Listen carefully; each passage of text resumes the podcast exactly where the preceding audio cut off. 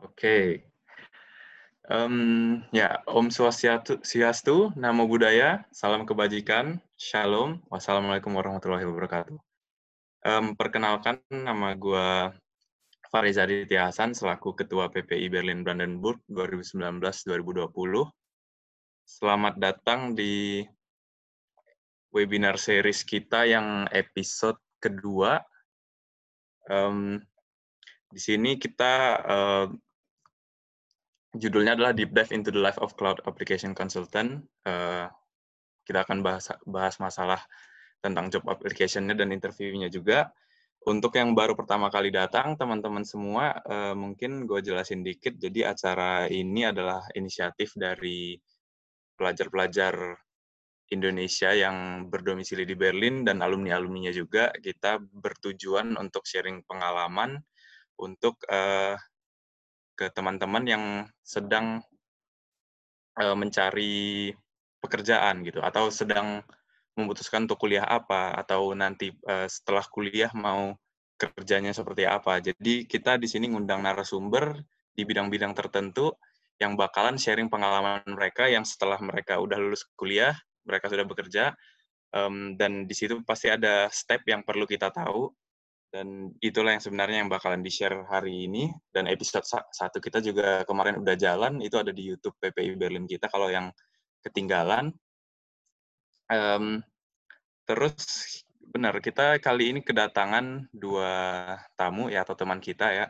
Uh, yang pertama sebagai narasumber Satria Bayu Aji, uh, teman kita ini alumni TU Berlin, salah satu universitas di Berlin. Um, jurusan Median Informatik atau Digital Media and Teknologi dan sekarang sudah bekerja di IBM di Berlin juga sebagai cloud consultant.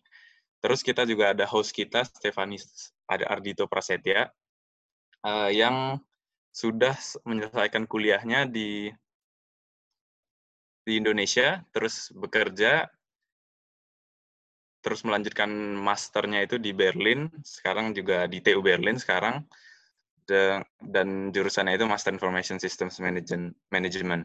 Dan Stefan ini bakalan sebagai host yang akan membawa acara kita nanti. Um, sebelum kita mulai acara kita, ada beberapa aturan yang harus diikuti sebagai peserta, teman-teman sekalian. Jadi boleh slide-nya, ya benar. Jadi aturannya ya tentu aja untuk mematikan dan menonaktifkan kamera, video, dan uh, mic supaya acara berjalan lancar Um, terus kalau memang ada pertanyaan bisa langsung aja ditaruh di grup chat pada saat acara nanti di sesi kedua bakalan dicoba dijawab oleh Ardito atau Bayu sebagai pembawa acara dan narasumber. Dan uh, untuk join webinar ini tolong nama yang diterterakan itu nama lengkap jadi kita gampang nanti untuk uh, pendataan dan tentunya semuanya untuk saling menghormati dan tidak ada um, membuat kericuhan.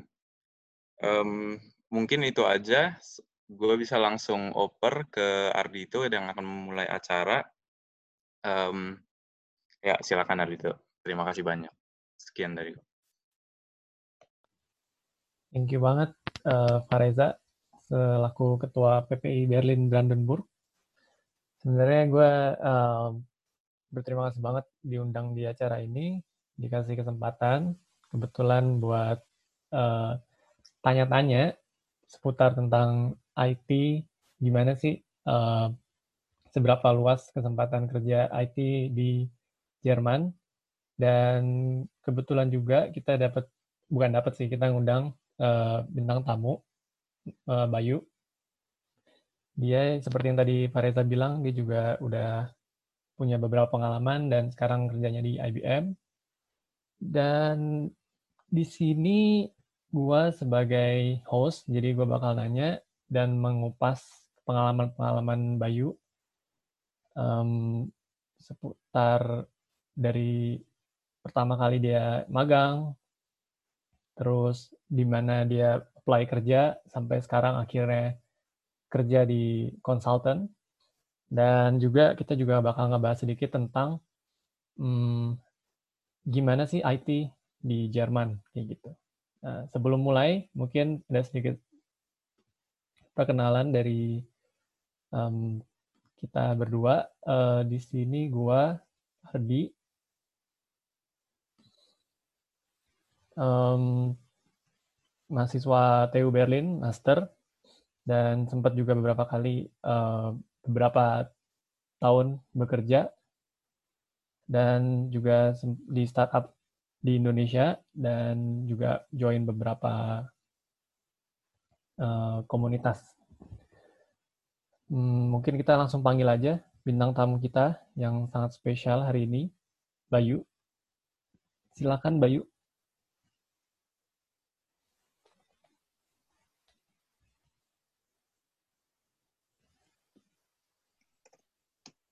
Oke, sekarang udah bisa kedengaran ya? Ya. Oke, uh, Assalamualaikum warahmatullahi wabarakatuh. Selamat sore teman-teman yang ada di Berlin atau di Jerman. Dan selamat malam untuk teman-teman semua yang mungkin ada um, ikut dari Indonesia. Pertama-tama gue mau terima kasih banget, senang banget um, dikasih kesempatan dan dikasih kepercayaan buat ngobrol-ngobrol, buat buat sharing sedikit apa yang udah uh, selama ini gue laluin dan um, gue pelajarin selama dua tahun ke belakang kurang lebih kerja full time sebagai profesional di Jerman. Um, untuk sedikit perkenalan, dulu gue kuliah, eh dulu gue SMA di SMA Studi di Bekasi, habis itu lanjut di um, Student College di TU Berlin. Setelah itu lanjut lagi ke um, media informatik di TU Berlin juga, jadi emang dari dulu selalu di Berlin sampai sekarang um, setelah kuliah atau selama kuliah dulu itu uh, sempat aktif juga lumayan aktif di PP Berlin. Um, dan sempat kerja juga selagi selagi kuliah dan jadi ketua jadi um, ketua Berlin. Um, setelah itu setelah hampir selesai itu gue kebetulan dapat kesempatan buat kerja langsung di di IBM dan sekarang sampai sekarang masih di IBM juga sih. Jadi mungkin segitu dulu kali ya perkenalannya. Mantap kita kedatangan tamu spesial sih. Maksudnya kita bakal mengulas nih pengalaman-pengalaman Bayu yang udah sempet melalang buana di Jerman kurang lebih dua tahun. Uh, mungkin sebelum kita masuk lebih dalam, kita mau tahu dulu nih, kan sekarang di IBM kerjanya nih Bayu. Apakah kerja yang sekarang ini sesuai sama bidang yang ditekunin Bayu uh, pas kuliah nggak sih? Eh, kebetulan alhamdulillah sesuai karena dulu gue juga kuliahnya kan media informatik atau media um, kalau tadi bahasa Inggrisnya um, apa tadi digital media and technology kan. Mm-hmm. Cuman sebenarnya um, kalau isinya sendiri sih itu sebenarnya adalah informatik atau computer science dan dicampur sama beberapa um, bagian dari elektro dan ilmu komunikasi. Jadi alhamdulillah sampai sekarang kerjanya kebetulan sama dengan apa yang dulu di dikerjain dipelajarin di kuliah. Jadi maksudnya searah lah gitu. Wah enak ya, kayak jurusan tuh rasanya kayak gimana ya, kayak nggak kayak nggak ngerasa bersalah gitu ya nggak sih? ya walaupun nggak walaupun nggak salah juga kalau misalnya uh, pun setelah lulus kerjanya akhirnya dapetnya di di tempat yang berbeda ya dengan jurusan yang kita misalnya kuliah dulu. Kalau ah. misalnya dirasa memang pas. Terus di sana ngapain aja tuh sebagai konsultan? Oke, okay, kalau sebagai konsultan itu um, kan IT consultant tuh IT consulting itu sebenarnya luas banget ya bidangnya. Hmm. Jadi um, kita sebenarnya isinya itu banyak juga di bisnis kita orang-orang yang um, sebenarnya bisa dibilang ini kerjaan di IT consult kerja di IT consulting firm itu sama kurang lebih sama kerja di luar gitu. Jadi ada orang yang tadinya um, project manager, ada yang lebih dari bisnisnya, ada yang lebih dari um, operationsnya controlling segala macam terus ada juga teman-teman yang lebih ke engineeringnya atau scientist. Itu juga banyak juga. Terus um, desain juga kita juga punya banyak kita punya sebuah bisnis bisnis sendiri yang yang handle buat desain terus setelah itu ada juga yang di testing. Jadi benar-benar macam-macam banget sih kalau misalnya IT consulting sendiri itu. Dan gua kebetulan um, selama satu tahun satu tahun terakhir itu ikut uh, kebetulan dikasih kesempatan buat ikut program manajemen trainee-nya IBM. Jadi di dalam program manajemen trainee ini selama dua tahun gue diwajibkan untuk ganti posisi atau ganti peran di proyek yang berbeda selama minimal dua, dua sampai tiga kali gitu. Wow, menarik banget sih bisa bisa pindah-pindah posisi gitu ya berarti. Ya, benar, benar, benar. Hmm. Dan itu salah satu keuntungan uh, kerja di consulting firm sih menurut gue, di karena um, kalau misalnya kita di consulting firm itu kita bisa bilang juga dari kitanya sendiri, oke, okay, gue kayaknya udah cukup belajar di proyek ini, dan gue rasa gue bisa, gue pengen cobain proyek lain gitu misalnya. Dan um, sampai sekarang sih, alhamdulillah masih dipenuhin ya. Kalau misalnya gue bilang gitu, buat gue, oke, okay, kita cari kalau gitu proyek lain gitu sih. Alright, alright, that's nice. Yeah. Um, kalau gue boleh tarik sedikit mundur, kan kalau hmm. misalnya yang gue tahu nih di Jerman kan lu pas kuliah tuh uh, ada yang namanya apa diwajibin praktikum atau magang gitu. Yeah. Itu ya. kalau lu gimana pas pas magang itu sebelum kerja? Eh sebelum lulus sorry. Sebelum lulus ya. Jadi emang bener banget kalau di Jerman itu praktikum salah satu um, syarat yang wajib untuk dilakukan sebelum kita bisa lulus itu kayaknya untuk bachelor dan untuk master sama. Hmm. Kalau gue sendiri dulu um, selama gue kuliah itu gue sempat kerja selama satu setengah tahun, hampir satu setengah tahun di salah satu perusahaan publikasi atau media di, di Jerman dan itu gue kerja sebagai uh, work, uh, working student di di tim Android mereka. Jadi gua, kita waktu itu bikin app untuk Android, untuk bikin majalah mereka sebagai digital gitu ya, secara digital. Dan ini akhirnya gue gue pakai untuk di dimasukin jadi praktikum gitu. Walaupun sebenarnya kan praktikum tuh um, harusnya full time ya, full time. Mm-hmm. Saya tiga bulan kita full time praktikum doang gitu. Cuman kebetulan kita alhamdulillah bisa gara-gara apa yang gue kerjain di work, sebagai working student itu sama dengan apa yang harus dikerjain di praktikum. Jadi yang tadi satu setengah tahun itu gue langsung bisa pakai semua jadiin poin gitu. Itu di IBM juga atau di perusahaan lain lu pas praktikum? Itu di perusahaan lain. Namanya oh. Build. Kalau misalnya tahu, kalau misalnya di Indonesia kayaknya okay. terkenal tuh majalah Auto Build tuh kayaknya. Oh Sering majalah ya ya. Kayaknya pernah, eh, yang, lihat sih gue. Ya, yang merah gitu warnanya. Iya iya benar benar benar. Ya, um, terus kan kalau gue apa namanya gue sempat baca-baca juga tuh di artikel kayak di, di Indonesia tuh kayak sekarang-sekarang uh, Menteri Pendidikan yang baru baru mau hmm? apa sih kayak mewajibkan magang itu dimasukin ke kurikulum perkuliahan. Tapi kalau menurut lu sendiri kayak magang gitu ya, ya. apakah hal yang perlu atau enggak sih?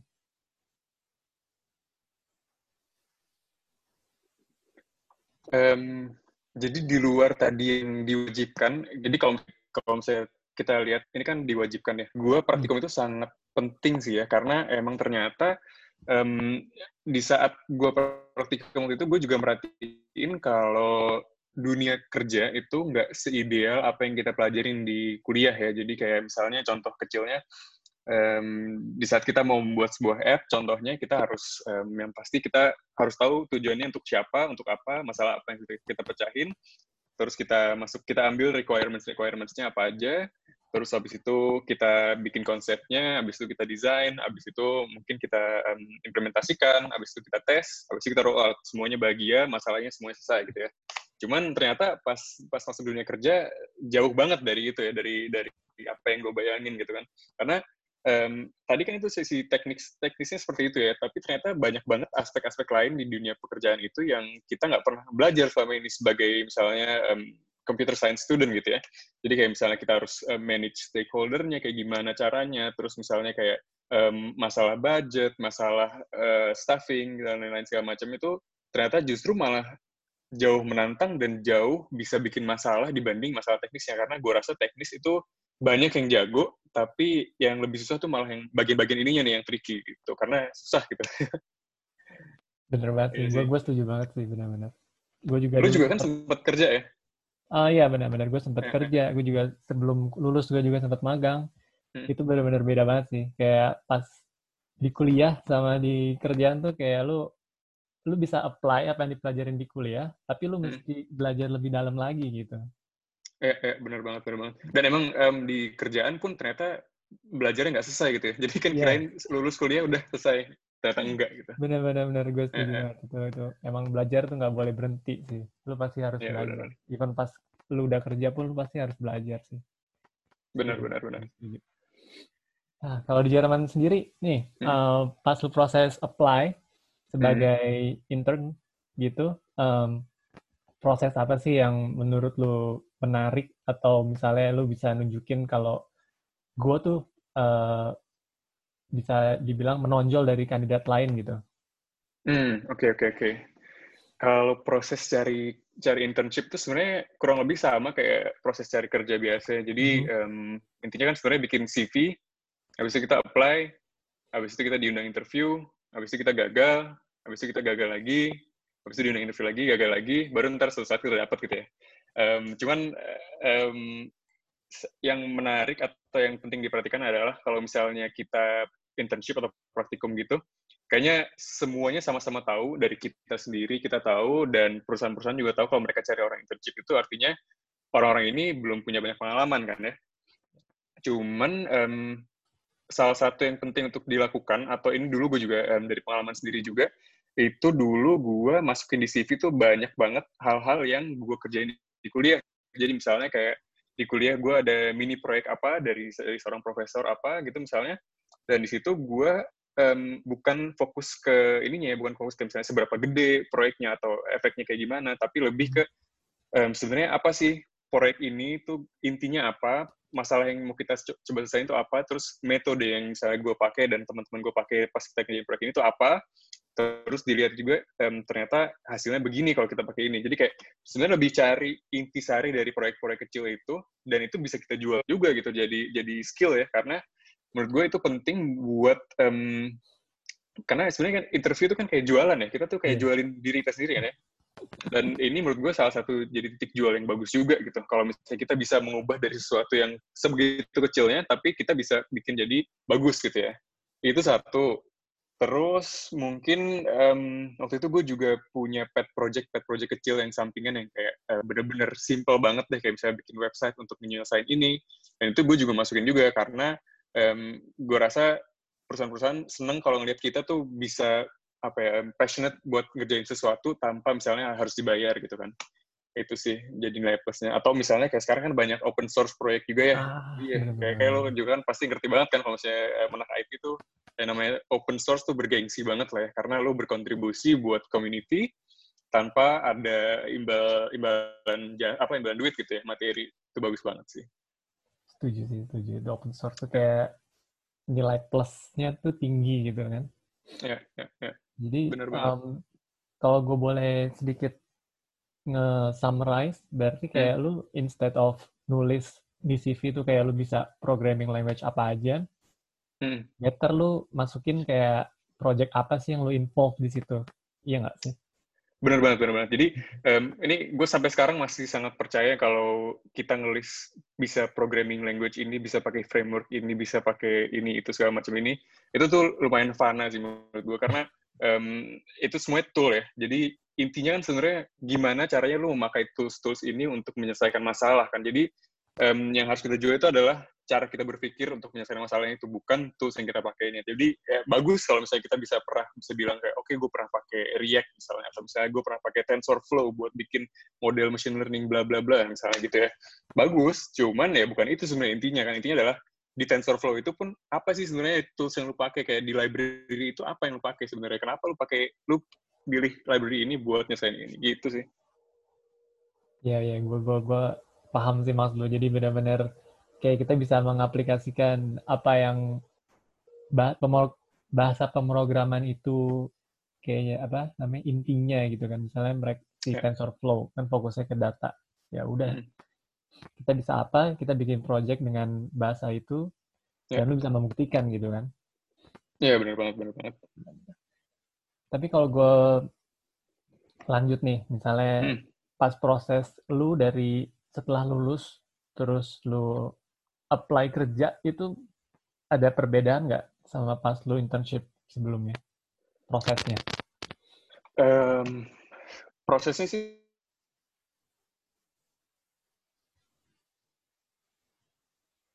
kita udah mau masuk ke full time itu prosesnya lebih lebih sedikit lebih apa ya lebih dalam dan lebih kompleks gitu ya.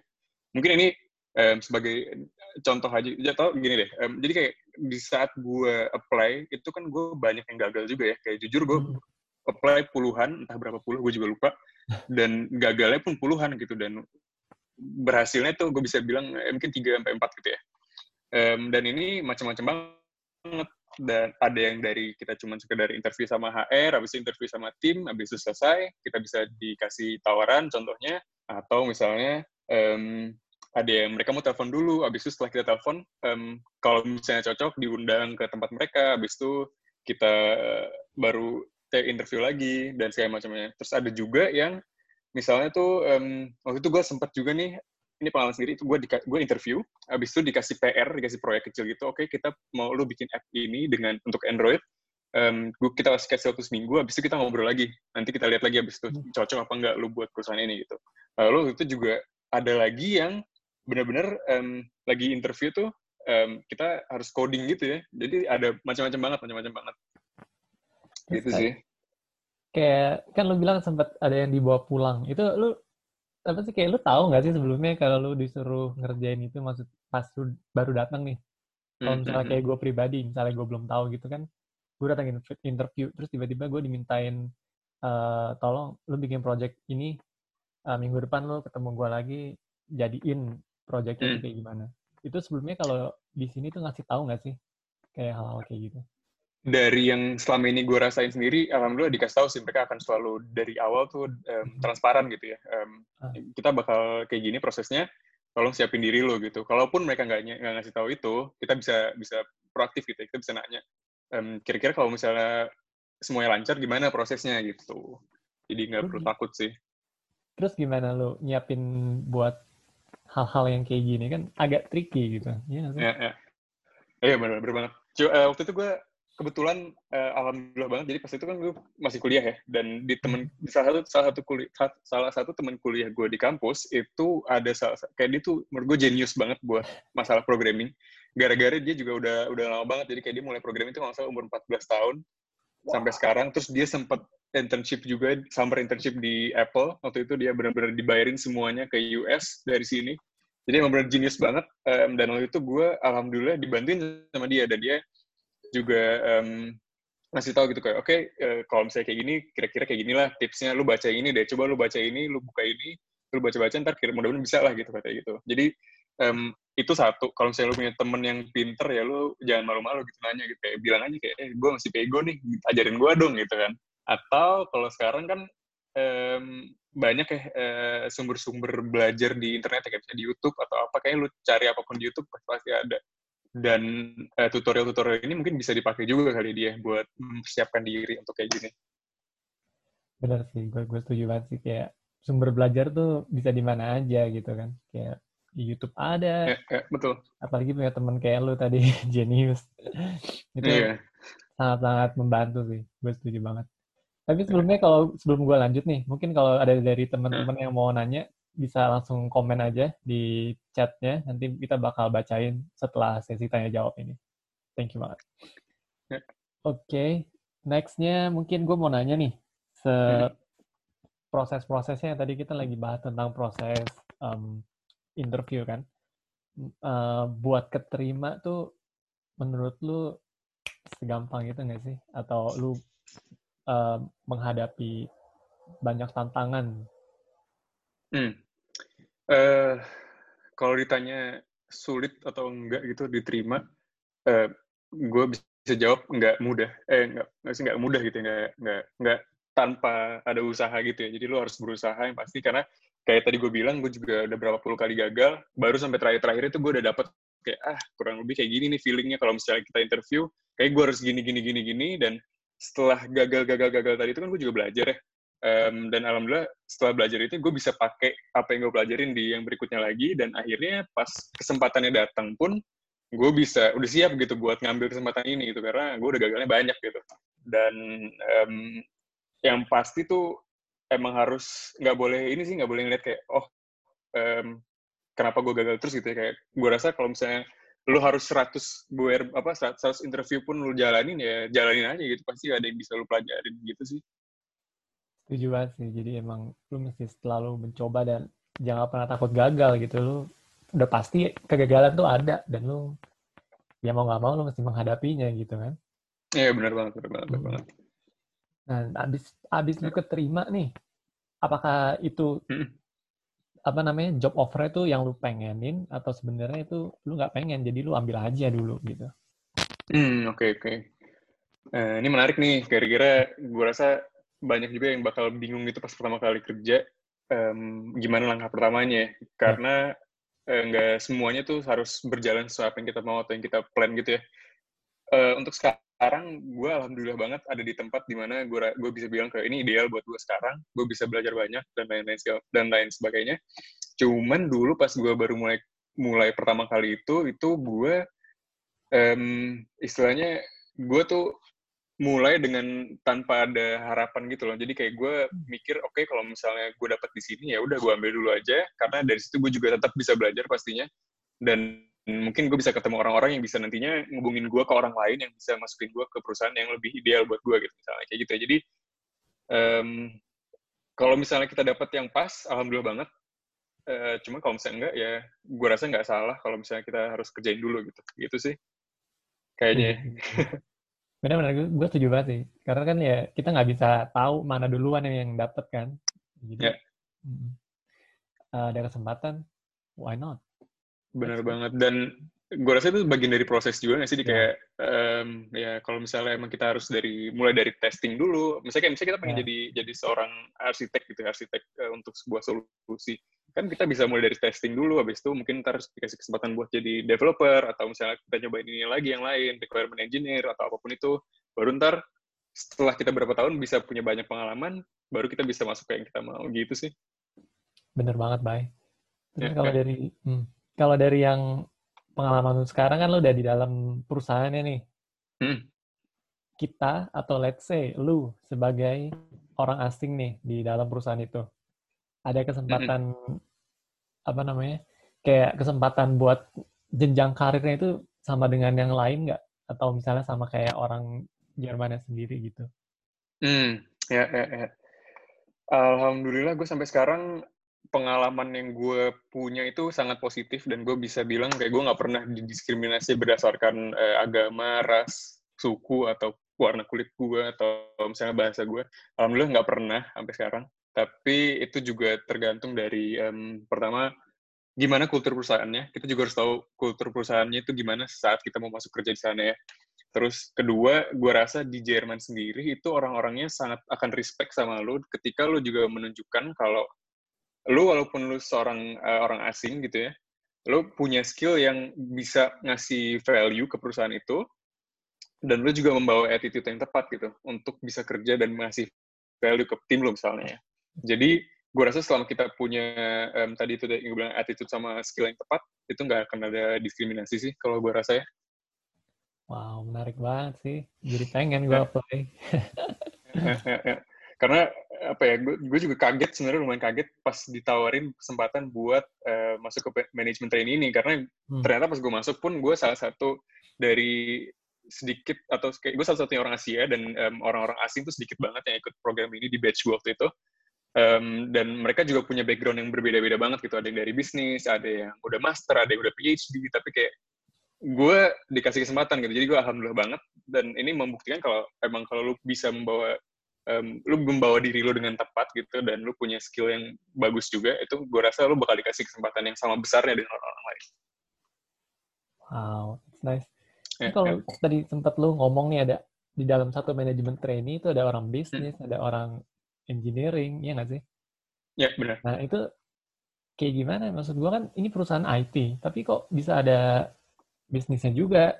Ada hmm. orang manajemen, ada orang IT, ada orang engineering. Itu gimana sih yang di IBM?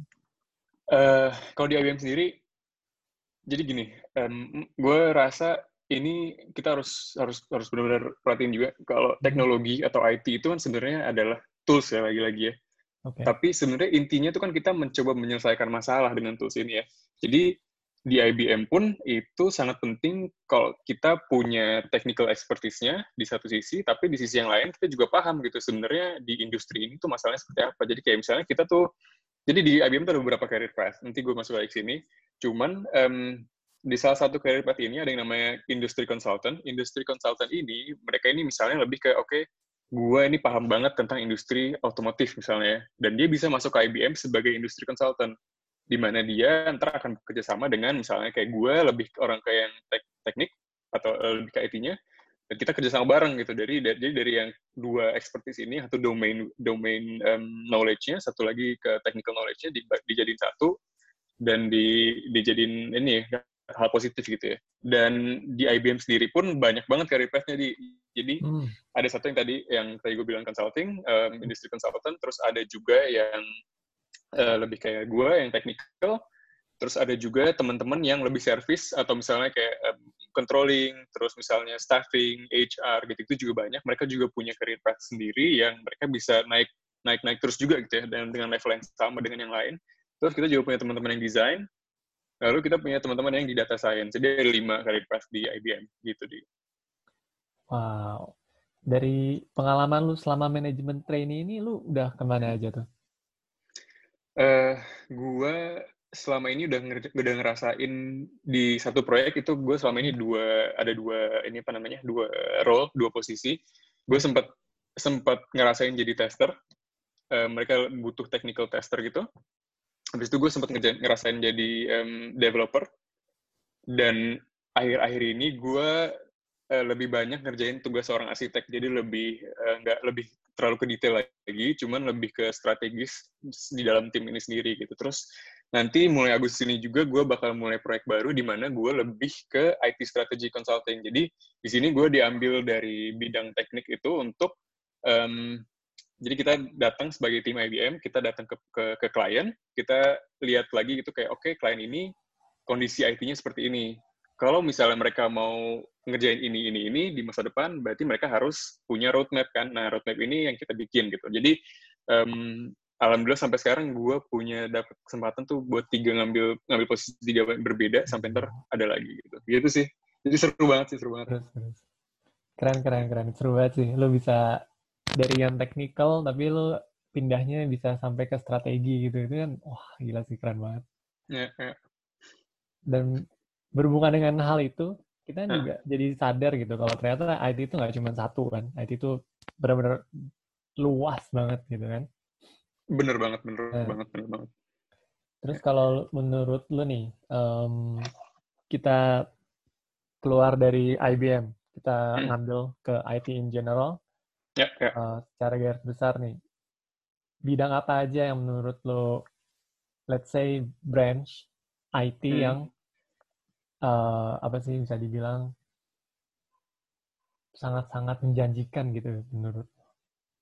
Sangat menjanjikan ya. Um, ini susah kalau saya ditanya gini karena harus melihat ke masa depan gitu. Cuman dari eh, apa yang gue lihat di IBM sendiri, kita juga kan punya strategi untuk supaya tetap kita uh, bisa bersaing sama, sama uh, perusahaan-perusahaan lain gitu ya. Kita punya lima hal kurang lebih yang nanti di masa depan gue rasa akan tetap relevan gitu ya, at least lima tahun ke depan lah ya. Um, yang pertama itu data science. Ini data science tuh gue rasa bakal makin booming lagi ke depannya. Dan ini di bawahnya itu termasuk kayak tadi AI, machine learning, dan lain sebagainya. Dan data ini kan kalau kita perhatiin juga ya, makin lama makin banyak ya. Kayak, um, enggak, kayak tadinya kan kita data tuh cuma, cuma di server ya, atau di tabel, Excel tabel atau apa gitu lah. Um, cuman ke depannya tuh dengan, misalnya contohnya nanti ada Internet of Things, di mana kita pakai sensor-sensor kecil untuk ngambil data, itu kita bakal handle data lebih banyak lagi. Kayak misalnya, eh, gampangnya misalnya ntar di bis itu kayak kita punya sensor-sensor untuk um, ngedeteksi gimana bisnya apakah masih masih bisa berjalan dengan uh, baik itu terus kayak misalnya berapa berapa persen penumpang yang datang dan lain sebagainya. Jadi um, sensor-sensor ini pun bakal ngirim data gitu. Jadi kayak data itu menurut gue sangat akan penting gitu ke depannya. Dan di saat kita bicara dengan eh, tentang data yang akan semakin meningkat jumlahnya secara eksponensial, ini penting juga untuk diperhatiin. Kayak misalnya gimana caranya kita bisa membawa data ini dari yang tadinya di bis, kita bisa bawa ke server yang ada di misalnya di suatu daerah dengan dengan reliable gitu. Jadi nggak nggak kita nggak bisa ngebikin data yang kita nggak bisa ngolah data kalau misalnya kita juga punya infrastruktur yang bagus gitu. Dan infrastruktur tuh macam-macam banget. Jadi kayak ada yang kita bisa pakai 5G untuk komunikasi sama servernya nanti ke depannya. Lalu kita juga bisa pakai hybrid cloud untuk untuk apa namanya menjembatani dari yang tadi servernya di di suatu perusahaan sampai ke bis ini tuh gimana caranya itu berarti kita harus bikin kayak node node gitu kan ya. Kita harus bikin server-server kecil lah istilahnya di di antara mereka ini. Jadi infrastruktur juga akan sangat sangat diperlukan. Uh, jadi arsitektur gitu ya arsitekturnya gimana itu harus harus harus diperhatikan juga. Lalu ketiga kalau misalnya kita masuk lagi kita lihat lagi ke dengan kaitan dengan yang tadi itu um, data ini kan kita bisa bilang adalah representasi dari apa yang ada di dunia nyata ya. Dan ini contohnya misalnya kayak kita sekarang gampangnya di Facebook itu kita punya atau perusahaan Facebook itu kan banyak banyak banget ya anak-anak perusahaan kayak Instagram dan WhatsApp dan lain-lainnya.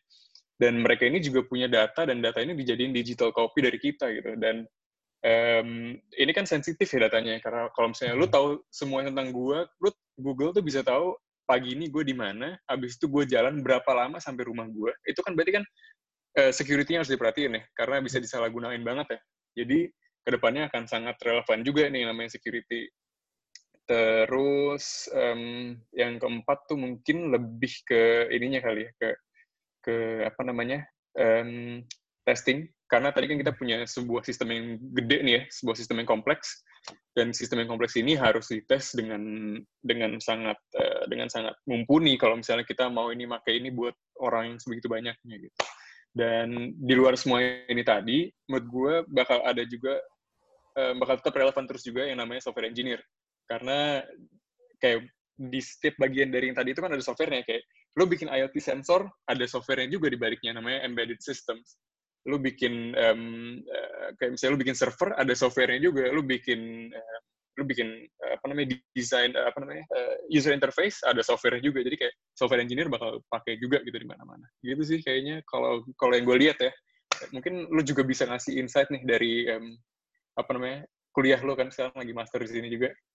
Benar benar benar. Gue gue setuju sih sama yang lu bilang. Karena dari apa namanya yang gue ambil sekarang master ini kan sebenarnya uh, information system management itu kan bisa dibilang kayak campuran uh, bisnis dan juga IT gitu kan.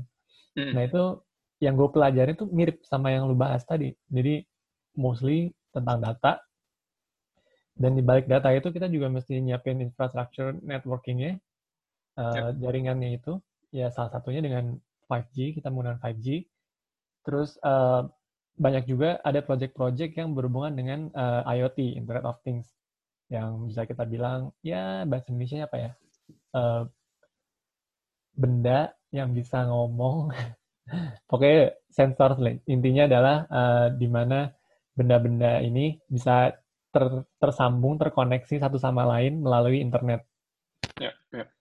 dan juga um, di balik itu juga uh, ada security. Nah kalau di sini sih yang paling uh, paling sering dibahas itu GDPR apa sih namanya hmm. General Data um, Protection and Regulation. Protection Regulation ya benar. Yeah. Jadi kayak perlindungan data pribadi uh, itu juga sangat penting sih. Yeah. Karena kalau kita lihat di Indonesia sekarang kan masih belum belum disahkan tuh RUU-nya singkat gue ya. Yeah. Nah, itu di sini tuh dia udah udah menjadi salah satu bagian yang sangat penting karena uh, mungkin orang-orang Eropa bisa dibilang parnoan kali ya. Iya, ya, benar-benar. Ya, benar. Hmm. Menurut gue sih, ya more or less mirip sih sama yang lo bilang tadi. Hmm, hmm. Terus kalau dari uh, setelah kita ngebahas teknologi yang ada di, uh, maksudnya teknologi yang bakal hype, kalau lu hmm. lihat di Jerman sendiri nih, penggunaan teknologi mereka tuh kayak gimana sih? Karena kan kalau kita, let's say orang IT tuh ngelihatnya ke US di mana di US tuh apa pun hmm. kayak rasanya cepet banget. Belum nyampe setahun udah ada teknologi baru dikeluarin dijadiin startup baru. Padahal tuh masih baru banget gitu. Kalau di ya, Jerman kayak gimana? Um, itu benar banget sih. Gue um, ngerasa banget ngeliatin banget bedanya. Karena jangankan di US deh di Indonesia sendiri tuh kayaknya gue rasa teknologi cepet banget gitu ya. Banyak banget startup-startup yang baru yang bermunculan di mana-mana dari yang um, dari yang paling simpel sampai yang paling kompleks tuh ada gitu ya di Indonesia. Gue rasa ini salah satu titik kelemahannya Jerman, tapi nggak bisa dibilang cuma kelemahan doang. Jadi kayak gue ngelihatnya di Jerman itu orang-orangnya jauh lebih paranoid atau jauh lebih berhati-hati kayaknya cocoknya dibilangnya um, di saat mereka mau mau mencoba sebuah teknologi baru ya karena mereka lebih seneng kalau misalnya kita punya ide baru kita lihat dulu ini idenya ini bakal um, sustainable apa enggak terus kayak misalnya ke depannya gimana kira-kira bakal apakah ini akan profit dalam berapa lama gitu mereka mereka pengen punya kepastian itu dulu tuh kayak mereka pengen semuanya dihitung secara detail gitu dan di, diproyeksikan secara benar gitu ya intinya. Baru mereka bisa kayak oke okay, kita akan invest gitu contohnya. Dan um, sementara di kayak di Indonesia sendiri kan lebih ini ya kayak um, lu punya ide baru oke okay, kita yaudah kita kerjain aja gitu. Kayak ini bagus idenya dan kalau misalnya kita berhasil ya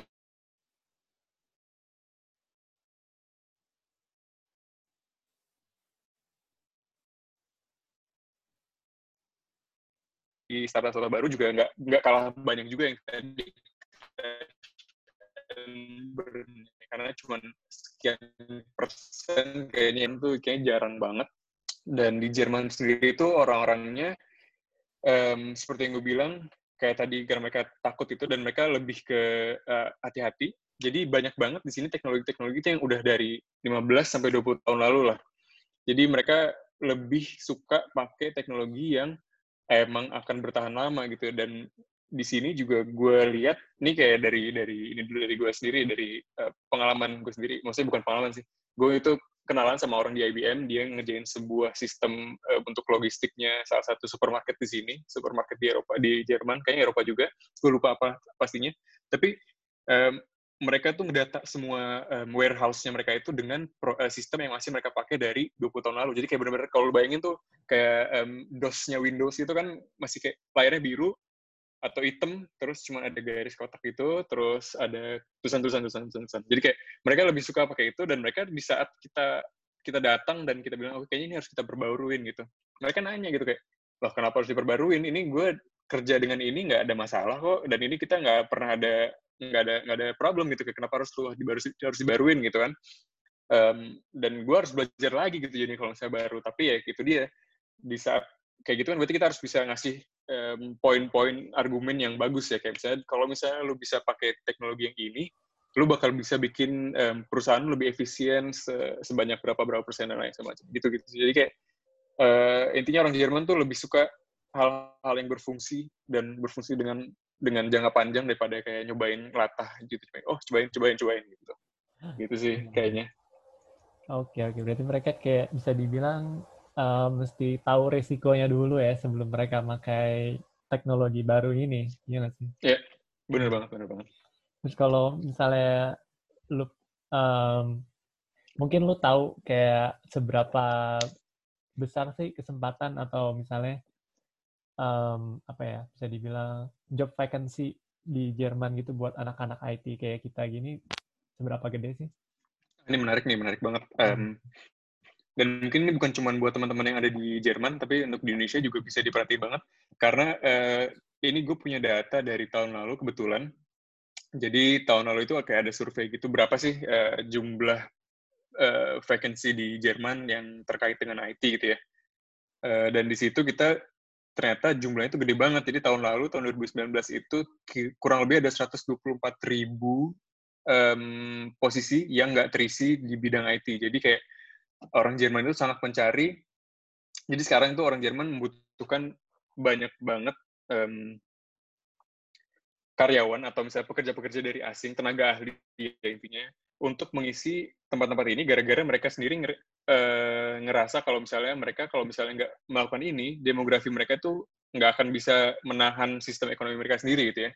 Jadi um, dari yang sekian banyak tadi, ternyata di IT pun ternyata banyak banget gitu, 124 ribu tuh nggak kecil ya. Jadi gue rasa um, kalau misalnya ditanya peluangnya gede apa enggak, gede banget, gede banget. Kalau misalnya teman-teman mau kerja di sini, mau membangun karir di sini tuh sangat mungkin gitu ya. Gitu sih. Wow. Benar-benar menarik banget sih, gila. 100, berapa? 124 ribu. Ya. Wow, gila. Itu angka yang luar biasa. Jadi buat teman-teman, kayak kalau misalnya emang lu tertarik untuk mencoba atau setidaknya uh, pengen buat bekerja di luar negeri, nggak ada salahnya Jerman jadi pilihan gitu. Benar banget, benar banget.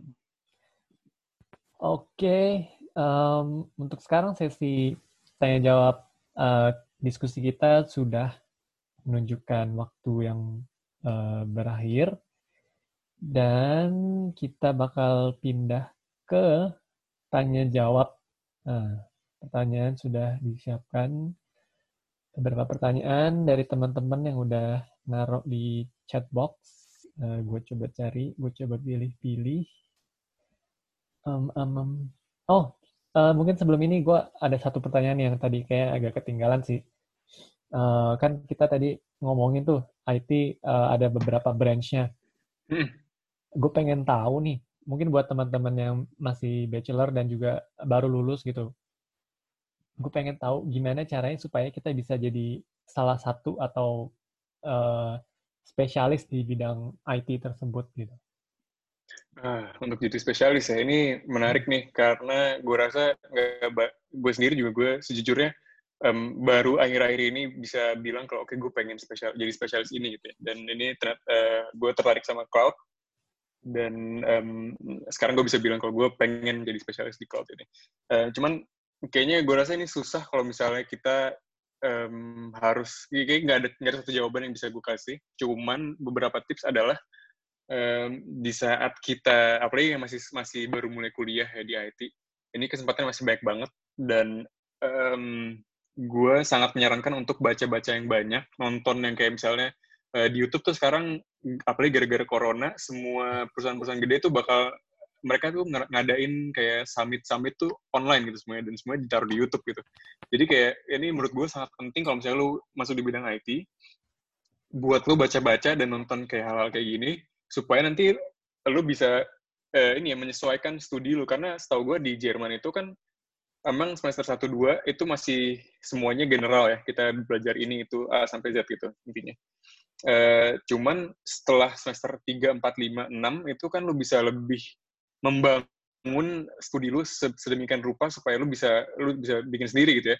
Dan kalau misalnya lu di awal-awal udah udah mulai cari, udah mulai explore atau misalnya atau misalnya lu bisa juga ngobrol gitu ya ke teman-teman yang udah kerja di industri. Kayak gue rasa ini juga salah satu tujuannya teman-teman PB Berlin ya. Kayak ngundang gue dan waktu itu Mas Danan juga untuk kita bisa ngasih gambaran gitu. Oh ternyata cloud consulting tuh kayak gini gitu. Atau bisa jadi IT consulting tuh kayak gini gitu. Dan um, jadi kalau misalnya lu kenal orang yang kayak gitu ya lu menurut gue diajak ngobrol tanya-tanya semuanya dan dari situ lu bisa dapat gambaran kira-kira yang cocok apa enggak gitu karena um, semakin awal lu bisa tahu apa yang lu mau itu bakal lebih gampang ke depannya untuk ngebikin karir lu sedemikian rupa supaya jadi spesialis di satu bidang gitu kayak gitu sih setuju sih benar-benar gue setuju banget jadi kita emang mesti setidaknya ada keinginan atau punya perasaan kita mau di satu bidang dulu, hmm. baru kita cari tahu ke dalam modul-modul apa yang perlu kita pelajarin lebih dalam. Kayak gitu kan. Mhm. Nah, mungkin kita bisa langsung ke pertanyaan dari teman-teman nih. Uh, yang pertama, enaknya apa nih? Mau ngomongin uh, uh, uh, kita masuk ke ini dulu kali ya. Um, IT in uh, general dulu deh. Ya, boleh, boleh. Dari um, um, um, um, dari Danan Fosarus. Gimana? Okay. Uh, menurut lu, Bay, artificial intelligence di uh, industri IT? Um, maksudnya pengalamannya itu kayak gimana? apakah udah ada pernah uh, megang project atau misalnya ada sesuatu yang pernah lo handle ber, berhubungan dengan AI ini? Uh, AI dan IoT, sorry. Oke. Okay. Um, makasih Mas Danan pertanyaannya. Kalau dari gue sendiri, kebetulan gue sangat sedikit pengalamannya dengan AI sejujurnya, karena um, gue juga bukan ahlinya di bidang AI. Dulu juga gue pas kuliah, nggak backgroundnya bukan itu uh, cuman punya sempat beberapa kali ada uh, ber, apa ya um, contact point gitulah sama teman-teman yang ada di AI dan mereka juga kerja gitu. Um, kalau misalnya ditanya gimana ke masa depannya di AI ya itu masih sangat belum jelas menurut gue kalau dari yang gue dari yang gue tangkap ya karena um, AI itu kan nggak bisa kita bayangin kayak Skynet di film Terminator ya, hmm. di mana AI ini benar-benar super pinter dan bisa ngerjain A, B, C, D sampai Z sampai Omega dan Alpha dan lain-lainnya. Tapi AI itu sampai sekarang itu lebih ke um, mereka tuh punya spesifik domain tertentu yang mereka coba selesaikan. Jadi kayak misalnya ada AI untuk natural language processing lah misalnya dan AI ini ya benar-benar bisa optimal mengerjakan atau menyelesaikan masalah di bidang um, yang berhubungan dengan bahasa tadi kayak memahami bahasa manusia itu gimana caranya dan lain. Jadi kalau misalnya kita pakai model yang sama untuk misalnya katakanlah untuk ngedetek sebuah gambar atau ngedetek muka gitu ya itu dia bakal kesulitan gitu karena emang nggak ada hubungan. Jadi sampai sekarang tuh masih di bidang itu jadi kayak masih, sampai step itu masih benar-benar lumayan simpel jadi kayak AI itu sangat fokus ke satu tujuan ya udah itu doang gitu bagusnya di situ mungkin kalau misalnya ke depannya akan ada yang kayak super pinter yang bisa benar-benar semuanya, yang bisa bikin kodenya sendiri dan lain-lain, tapi gue rasa masih sangat jauh banget gitu ya. Benar-benar, gue, juga setuju sih di bagian di mana uh, eh, AI yang saat ini ada tuh masih terbatas dan belum bisa bisa belum bisa dibilang berdiri sendiri dengan apa sih uncontrollable atau nggak bisa dikontrol itu kayak kalau sekarang masih belum belum sampai tahap itu sih gue setuju di situ walaupun ya, benar, benar. kalau kalau gue pribadi sih gue sedikit ada rasa takut di mana mereka bisa take over se, hmm. uh, apa namanya ketika dia udah bisa nge-generate code sendiri yeah, kalau yeah. sampai tahap itu udah udah sangat-sangat me menyeramkan sih menurut gue. Ya, kayaknya kalau emang bener kejadian kayak gitu kita udah bisa mulai berdoa aja kayaknya. Iya makanya. Cuman uh, gue kalau misalnya ketakutan gue sekarang ini um, dari apa yang udah kita punya sekarang itu lebih ke bias di dalam uh, di saat si seorang data atau si seorang AI specialist ini ngebikin modelnya dia punya bias-biasnya sendiri yang dimasukin ke model yang dipakai untuk ngelatih AI-nya jadi kayak gue ngerasa ini bisa bisa berbahaya ya apalagi um, buat yang kayak um, apa namanya mengenali muka itu kan ada sekarang kayaknya lagi lumayan trending juga masalah uh, rasis rasisme gitu ya. Jadi kalau misalnya si saintisnya ini punya bias terhadap rasis uh, ras tertentu, dia bisa-bisa aja gitu membuat sebuah model yang agak rasis jadinya. Jadi itu masalah yang nyatanya kayak gitu kayaknya sekarang. Iya, itu itu tuh benar-benar kayak apa sih? Di luar dari perkodingannya atau teknikalnya lebih ke arah um, social interaction ya Ya, ya. Betul, betul. Alright, so kita moving out ke pertanyaan selanjutnya. Hmm, mungkin nextnya, oh, tadi ada juga sih yang nanyain uh, machine learning. Oh ini siapa namanya? Lutfi, Lutfi. Wow, si Lutfi. Hmm. Uh, apa nih namanya? Up, apropos machine learning seberapa besar tren machine learning di dunia IT? Hmm. Um, apropos machine learning, uh, mungkin lu paham? Um, uh, baik. Eh, apropos tuh kayak um, ngomong-ngomong. Ah, oke, okay. aso. Oh, itu oke, okay, oke. Okay. Oh, berarti ini ya pertanyaannya mirip lah ya sama yang tadi. Yeah, yeah. Uh, kita bisa jadi satu. Yeah. Oke, okay, kita moving ke pas lu interview nih, ada yang nanya nih dari Gloro, Glorian Yapinus.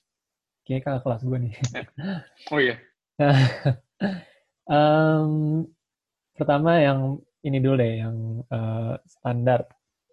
Gimana pengalaman lu ketika interview dan disuruh uh, coding? Tadi kan lu sempat ngebahas tuh. Mm-hmm. Itu pengalaman lu gimana? Uh, apakah ya. lu mesti pakai biasanya apa sih platformnya kayak Codility atau HackerRank gitu nggak sih? Ah, Oke, okay. ini bagus nih pertanyaannya. Terima kasih uh, kakak kelasnya.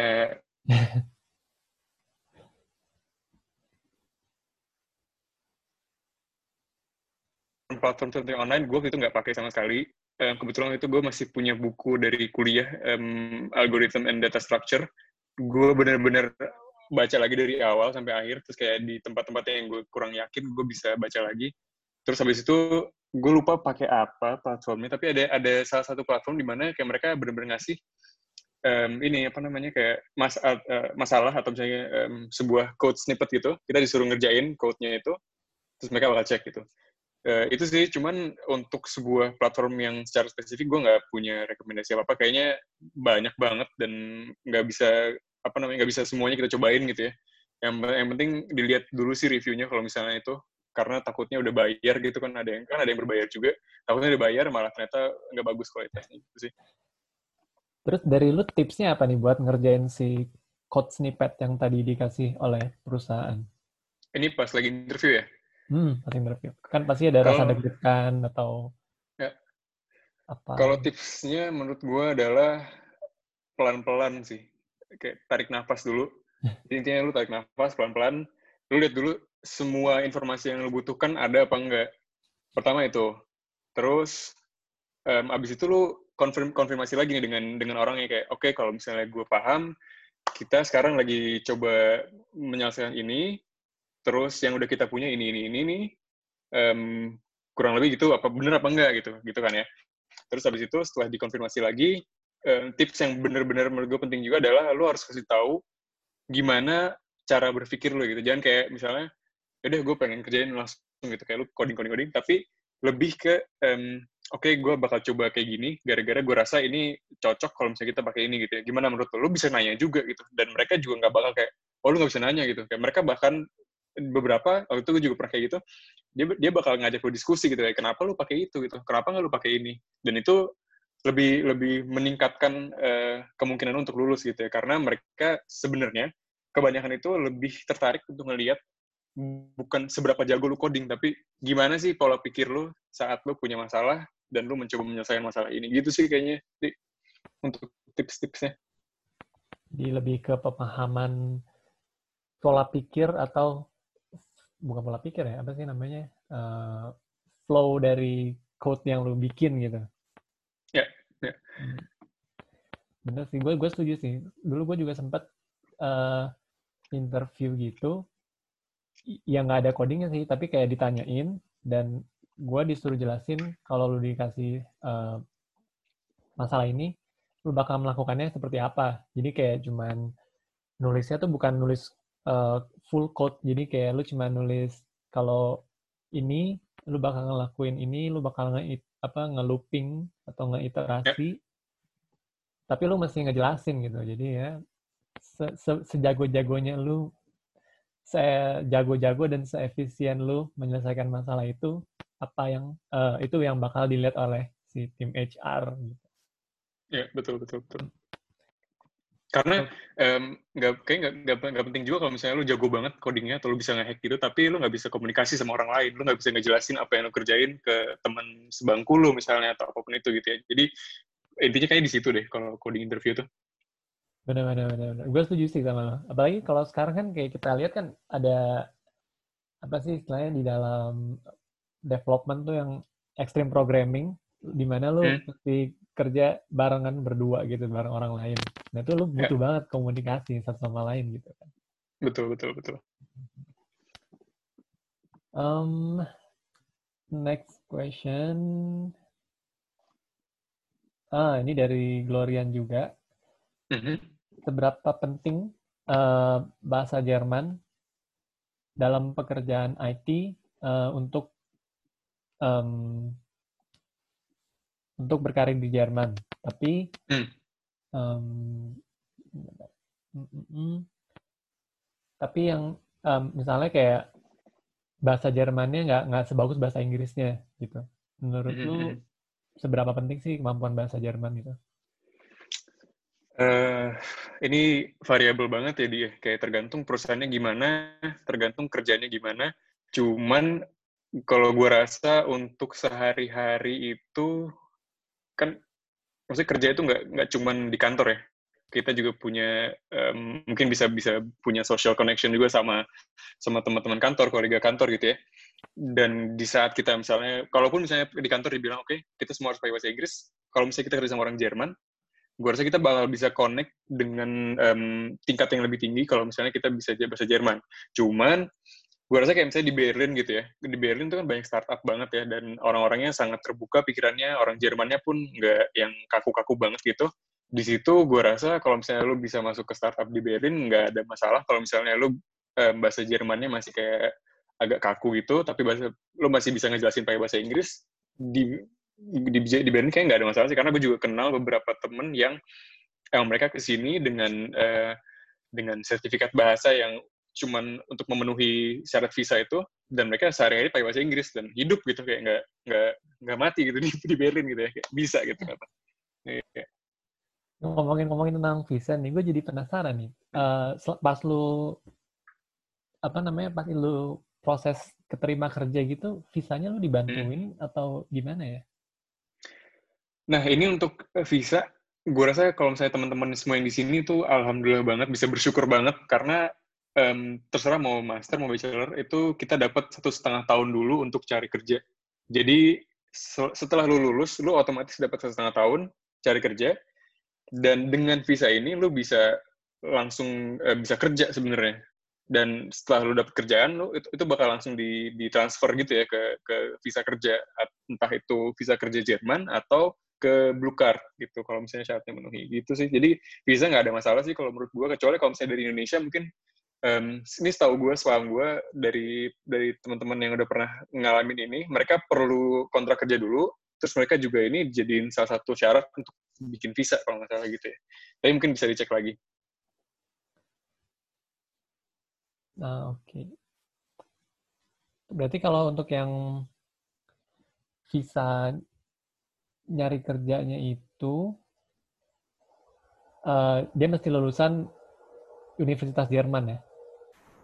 Uh, untuk visa cari kerja ya? Hmm. Iya, hmm. betul. Uh, Oke. Okay.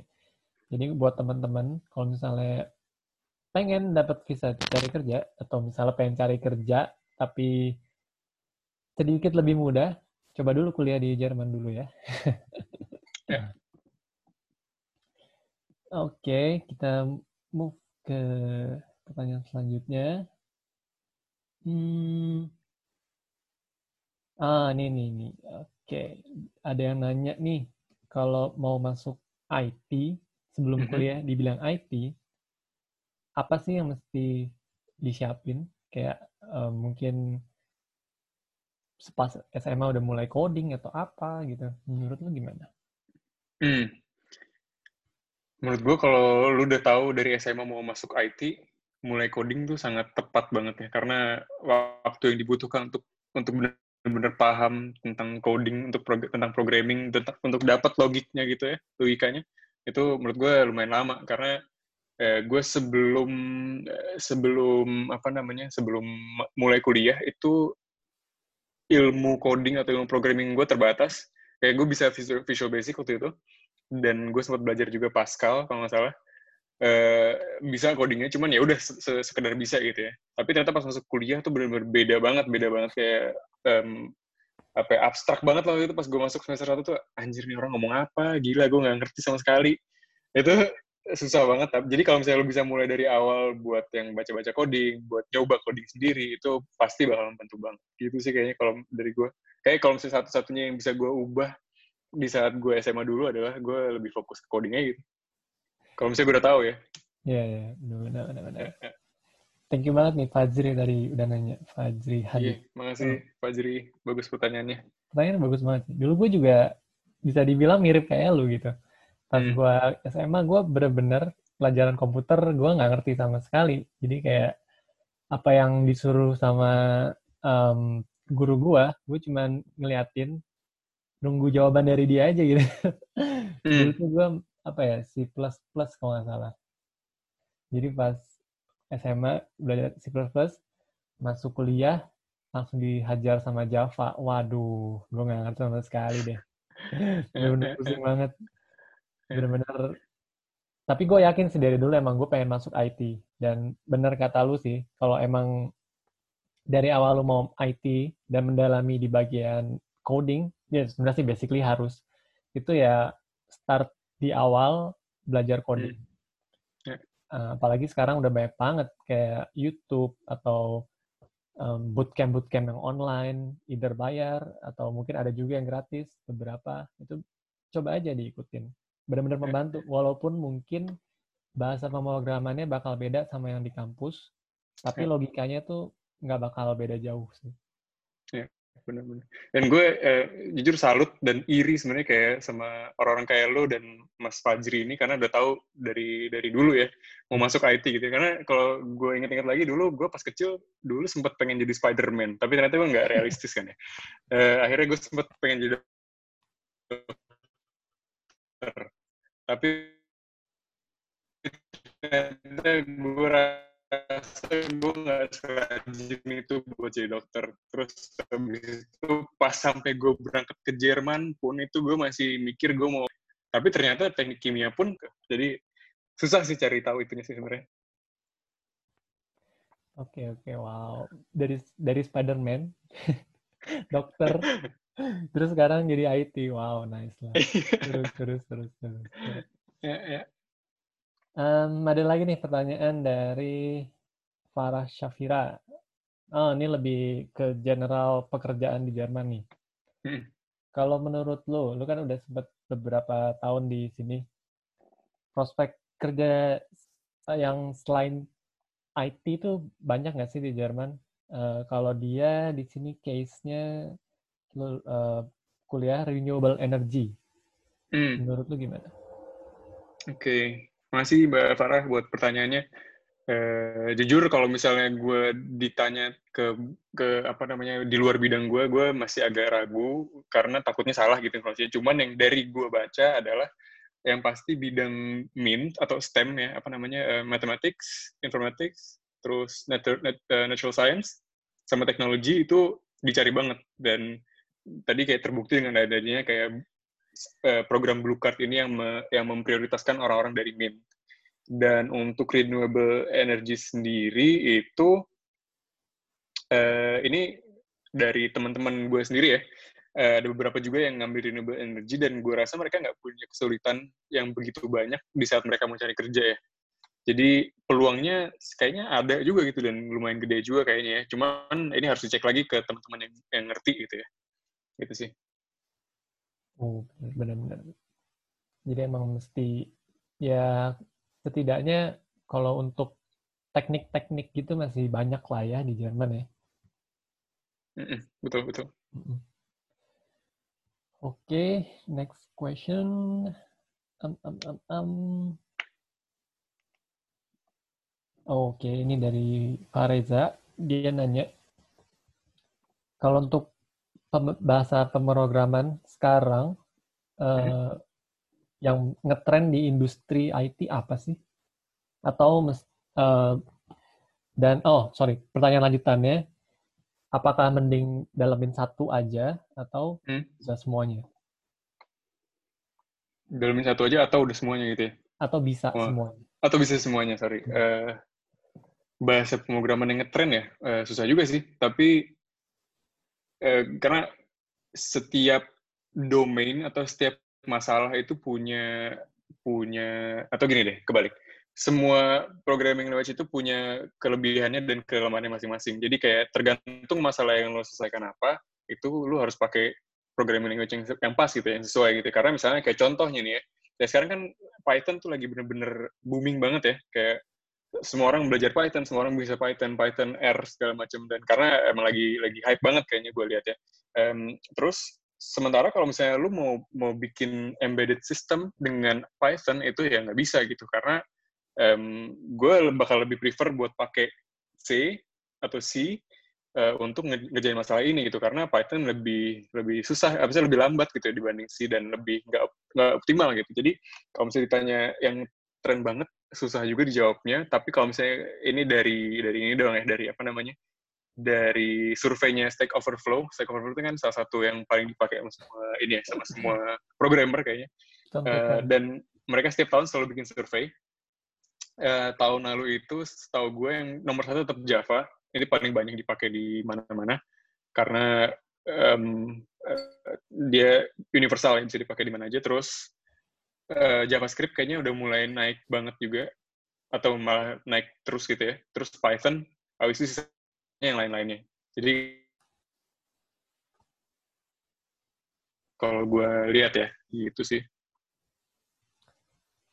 Nah, terus kalau dari lu, uh, apa namanya, pendapat pribadi nih, mending belajar semuanya atau pilih yang salah satu yang lagi bisa dibilang misalnya yang lagi ngehit sekarang based on uh, si Stack Overflow ini?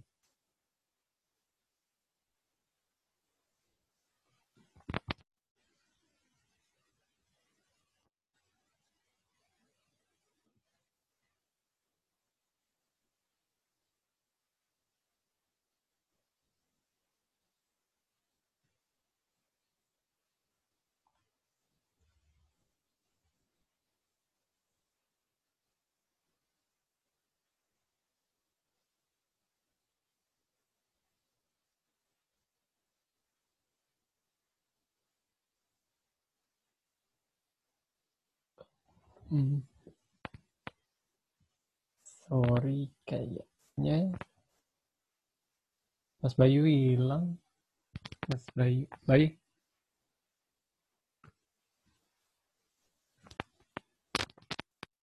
Um, mohon maaf, sepertinya koneksi dengan Bayu um, terputus. Um, kita masih nunggu sebentar. Mungkin kalau ada teman-teman yang emang masih mau nanya, silakan tanya aja di chat box, nanti bakal kita bacain. Ini udah ada beberapa pertanyaan.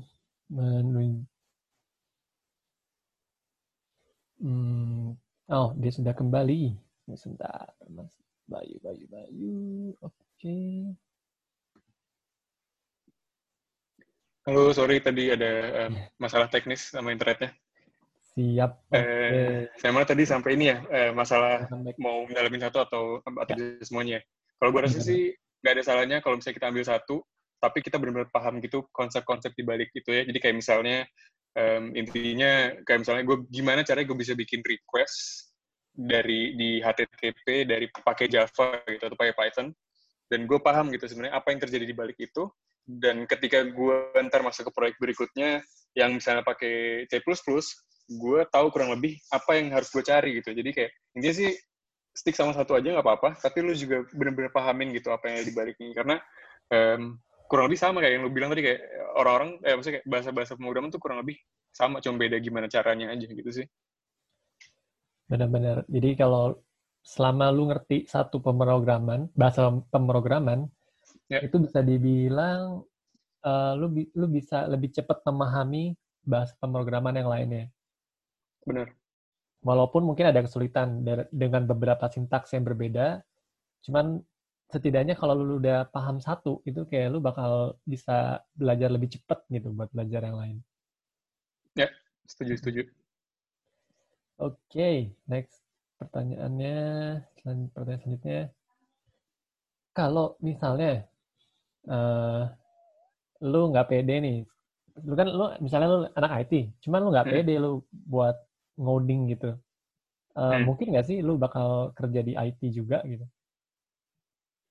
Nah, ini menarik nih. Ini hmm. dari ini pertanyaannya anak oh, IT sorry, kayaknya. Dari Felix, dari Felix. Oh iya, makasih nih, eh, Mas Felix. Dulu, eh, karena eh, sampai sekarang jujur gue pun masih ngerasa gue nggak pede gitu ya. Kalau misalnya ditanya, lu pede nggak sih? Enggak sih sebenarnya. Kayak kadang-kadang gue ngerasa ini ini ada fenomena yang gue rasa di seluruh level IT itu orang-orang bakal tetap ada itu namanya imposter syndrome.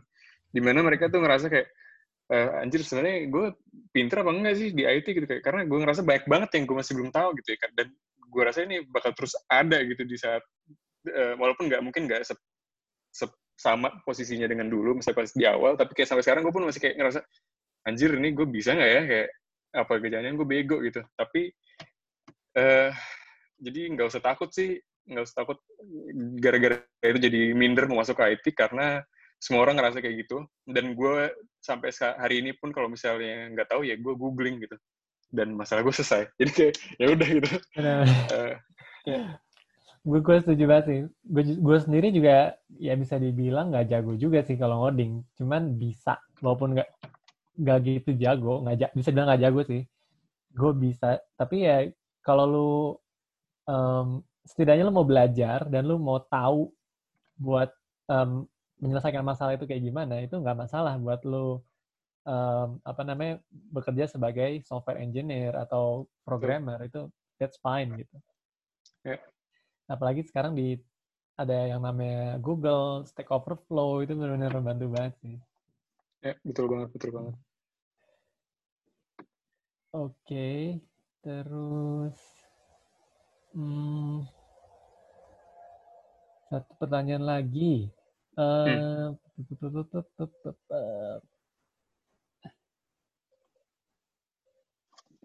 Yang mana ya? Um, um.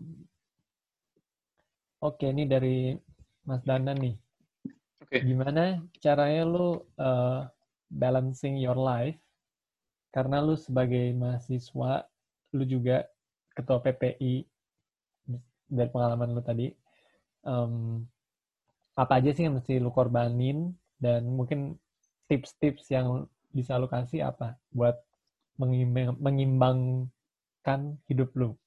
Uh, Ya, gue merasa terhormat banget nih mendapat pertanyaan seperti ini dari Mas Danan, pakai parutan semua orang di Berlin. uh, jadi sebenarnya menarik karena kayaknya gue rasa di satu poin di, di kalau misalnya lu kuliah di sini cepat atau lambat lo akan mempertanyakan hal yang sama juga kayak anjir gue baik banget harus dipikirin gimana caranya gitu nih. Um, ini ini yang yang gue pakai dulu ya. Yeah. Ya. Um, dulu tuh gue pas selama kuliah itu jadi pas gue mulai kuliah di, di dinding gue tuh gue gue udah punya plan gitu di semester ini gue mau ambil apa semester dua gue ambil apa semester tiga ambil apa semester empat apa sampai enam dan lain sebagainya jadi kayak di gue punya gambaran gedenya gue maunya gimana gitu ya. Terus setelah gue punya itu ini untuk planningnya dulu gue bagi lagi lebih kecil lagi. Oke selama satu satu semester ini gue mau gimana belajarnya? Kayak um, apakah gue mau di awal atau mau di akhir? Atau misalnya dari, dari awal sampai akhir selalu konstan gitu. Dan akhirnya gue dapetnya untuk um, untuk konstan gitu. Karena ini juga mempermudah kalau misalnya buat bagi-bagi waktu gitu ya. Daripada misalnya kita geser semuanya ke belakang terus yang setelah gue punya itu per minggunya pun gue review lagi gitu. Jadi kayak setiap hari Senin atau setiap hari Minggu malam itu kayak gue bikin plan lu nih kayak besok seminggu ini gue ngapain aja ya kayak.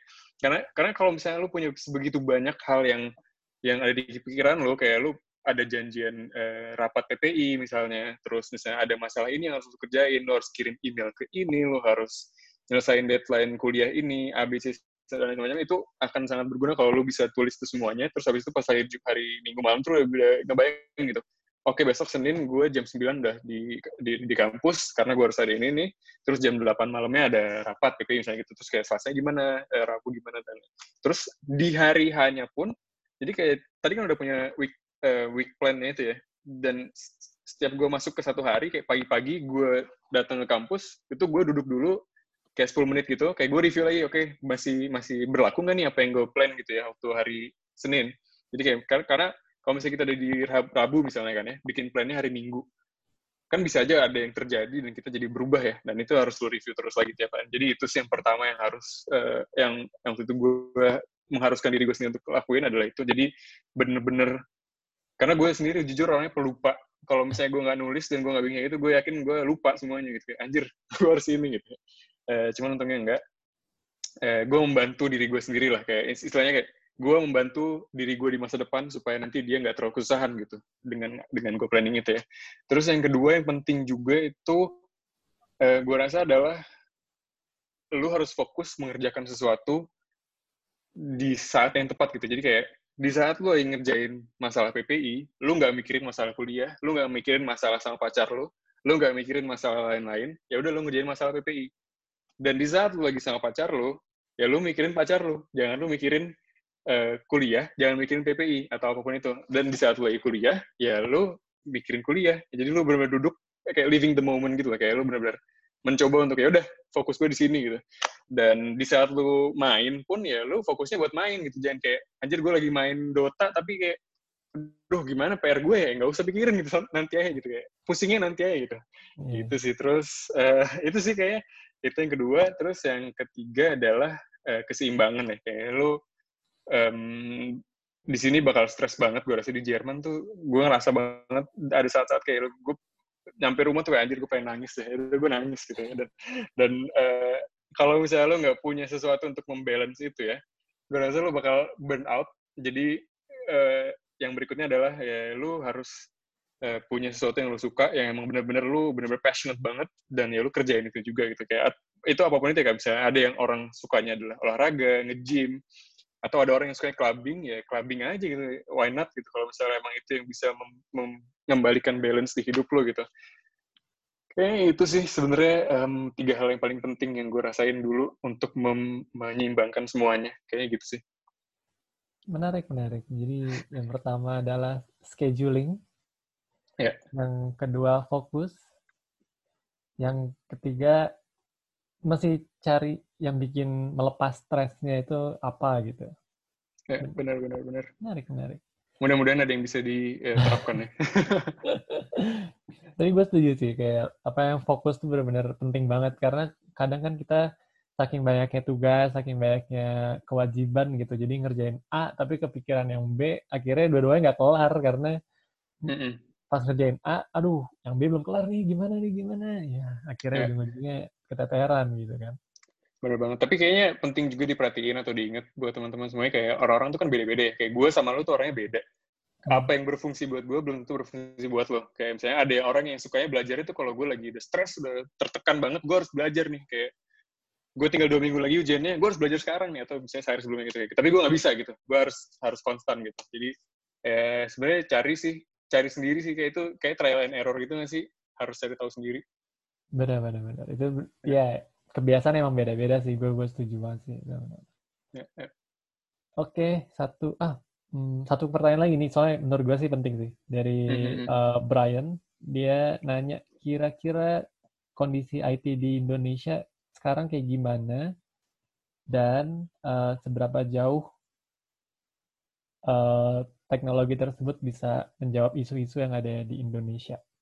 Hmm, ini menarik banget nih Mas Brian nih. Uh, mungkin buat ini gue rasa gue gue harap gue nggak kasih sesuatu jawaban atau kasih pandangan yang um, terlalu melenceng ya cuman uh, dari yang gue pahamin sekarang atau yang gue lihat dari luar gitu ya Indonesia tuh kan gede banget ya dan itu 276 juta itu kalau misalnya kita ngomongin IT itu susah banget karena uh, kondisi di setiap pulau tuh beda-beda. Di setiap jangankan di setiap pulau ya di Pulau Jawa aja kondisinya masih beda-beda gitu ya, dari satu region ke region yang lainnya. Um, kayaknya yang paling harus diperhatikan pertama adalah infrastrukturnya. Tapi infrastruktur dalam artian kayak gimana caranya semua dari Sabang sampai Merauke punya kesempatan yang sama untuk mendapatkan teknologi yang sama. Pertama itu dulu mungkin ya. Terus um, uh, yang kedua adalah data dari kayak misalnya kalau misalnya kita ngomongin masalah-masalah di Indonesia kan kebanyakan itu banyak masalah yang bisa ditarik tarik mundur ke data ya. Karena data itu kan penting banget kayak misalnya di sini contohnya aja ya. Um, kalau misalnya gue terdaftar di Burger Am atau di kantor kelurahan di sini, itu datanya bisa dilihat sama banyak instansi-instansi pemerintahan yang lainnya. Dan ini jadinya kayak walaupun nggak tersentralisasi, tapi mereka ini semuanya connected gitu ya. Tapi gue rasa di Indonesia kayaknya nggak gitu, karena buktinya orang bisa punya KTP 2. Bahkan dengan, gue rasa dengan iktp pun masih ada masalah itu kalau nggak salah ya. Jadi mungkin ini sih gimana caranya kita bisa menyelesaikan masalah datanya ini dulu sih, kayak sebelum kita bisa ngomongin teknologi apa yang bisa kita pakai untuk ke depannya gitu ya. Tapi um, itu tadi di sisi idealnya, kayak misalnya itu kan idealnya kita seperti itu ya. Jadi sudah punya datanya, sudah punya infrastrukturnya, baru kita bisa maju gitu kan. Cuman kan sekarang um, kenyataannya berbeda ya. Ke, uh, teknologi yang ada di Indonesia pun sekarang menurut gue nggak kalah sama yang ada di Jerman. Kayak misalnya Gojek itu kan contoh dari salah satu penggunaan teknologi yang lumayan sebenarnya simple ya awalnya hmm. ini gue nggak tahu ya ini gue nggak tahu ini anekdot yang benar apa enggak tapi gue pernah dengar kalau Go Gojek itu awalnya mulai dari grup WhatsApp yang SMS SMS SMS ya sorry ya. SMS dan eh, mereka tuh benar-benar dari sistem SMS doang gitu tadinya. Dan ternyata memang ini pun jadi teknologi yang dibutuhkan gitu. Karena memang ternyata masalahnya pas eh, apa solusi ini pas dengan masalahnya orang Indonesia yaitu mager gitu ya. Jadi kayak orang Indonesia banyak yang mager ya akhirnya pakai Gojek, GoFood, Go Grab, eh, apa sorry Go, Go apa namanya Go Clean dan lain-lain segala macam. Jadi um, tadi menarik kalau misalnya kita ngomongin secara idealnya seperti itu tapi ternyata di sisi lain Indonesia pun nggak kalah maju gitu teknologinya dibanding di Jerman ya. Atau di Jerman simpelnya lagi juga kayak gue mau bayar di mana-mana tuh harus kebanyakan kayak sebelum corona itu masih pay cash. Ya mereka sangat harus kayak gue bayar kartu, oh nggak bisa lo harus pay cash. Anjir gue, masa gue harus pergi ke bank gitu kan. Garing hmm. banget gitu. Terus, jadi sebenarnya ya menarik sih kalau misalnya kita ngomongin perbedaan di sini sama di Indonesia ya. Tapi mudah-mudahan sih gue rasa ke depannya apalagi sekarang kan um, si Dikbud um, Mendikbudnya kan juga dari orang yang pernah ada di bidang IT ya. Gue harap dia juga memasukkan um, apa namanya pengalaman-pengalaman atau lesson learned-nya ke kurikulum kurikulumnya atau ke kebijakan-kebijakannya dia supaya ntar ke depannya juga um, tenaga kerja di Indonesia tuh nggak nggak kalah gitu dengan tenaga kerja di Jerman yang yang mereka juga bisa punya ini ya punya kemampuan IT atau kemampuan teknologi yang tinggi gitu, gitu sih. Good points, benar-benar. Gue ya more or less um, setuju dengan lo dan bisa dibilang pandangannya mirip sih. Jadi kita mesti kalau mau ngebenerin dari awal ya mau nggak mau dari datanya dulu. Cuman hmm. satu pandangan yang menurut gue ada uh, sisi lain adalah sebenarnya di Indonesia karena terlalu luas, uh, maksudnya kan kita kepulauan juga gitu kan, buat ya. aplikasinya tuh benar-benar susah kalau kita pukul rata ke semuanya. Jadi ya. Benar. Itu benar-benar perbedaannya kalau di Jerman kan lu misalnya uh, punya satu teknologi, itu bisa dibilang hampir semua satu negara bisa make hal yang sama karena uh, geografisnya gampang gitu. Mereka mirip semua satu, satu daratan dan juga uh, infrastrukturnya bisa dibilang mirip lah.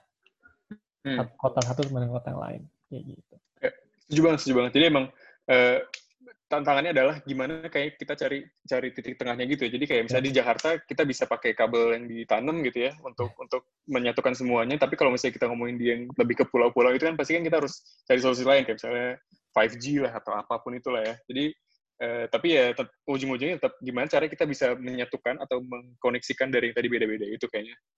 Jadi setuju banget. Benar-benar nice nice. Gila. Nggak kerasa nih udah udah udah abis nih waktu kita nih di satu setengah jam. Parah, parah, parah. Bener-bener diskusi yang seru nih. Thank you banget. Bye, udah datang, bye.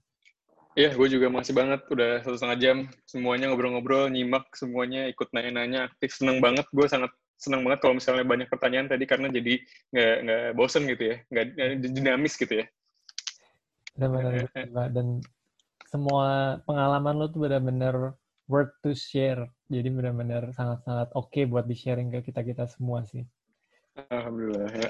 Oke banget. Um, sebelum gue lempar balik ke Fareza, uh, ada key atau main takeaways yang udah kita siapin buat teman-teman. Jadi selama acara ini kita uh, ngobrolin tentang seberapa luas peluang kerja di bidang IT di Jerman.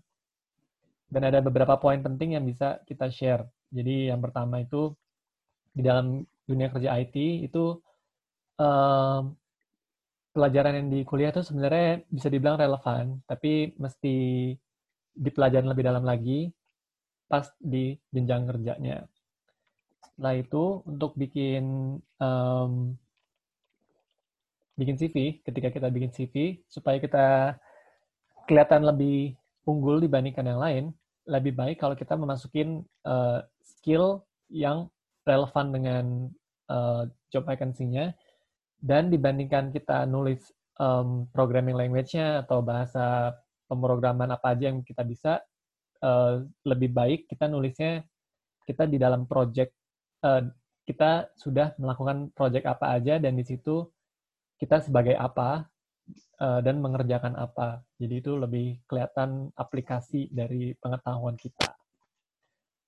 Setelah itu kita juga uh, Bayu juga nge-share tadi selama dia kerja so far diperlakukan sangat-sangat baik dan tidak mengalami diskriminasi apa pun. Jadi jangan takut buat teman-teman yang mau coba kerja di Jerman itu aman semuanya. Terus Bayu juga dapat kesempatan masuk ke manajemen trainee di IBM di mana di sana bisa mencoba-coba atau rotasi um, bidang lini bisnis dari IBM dan di situ dia juga jadi belajar berbagai uh, bisa memecahkan berbagai masalah yang berkaitan dengan IT.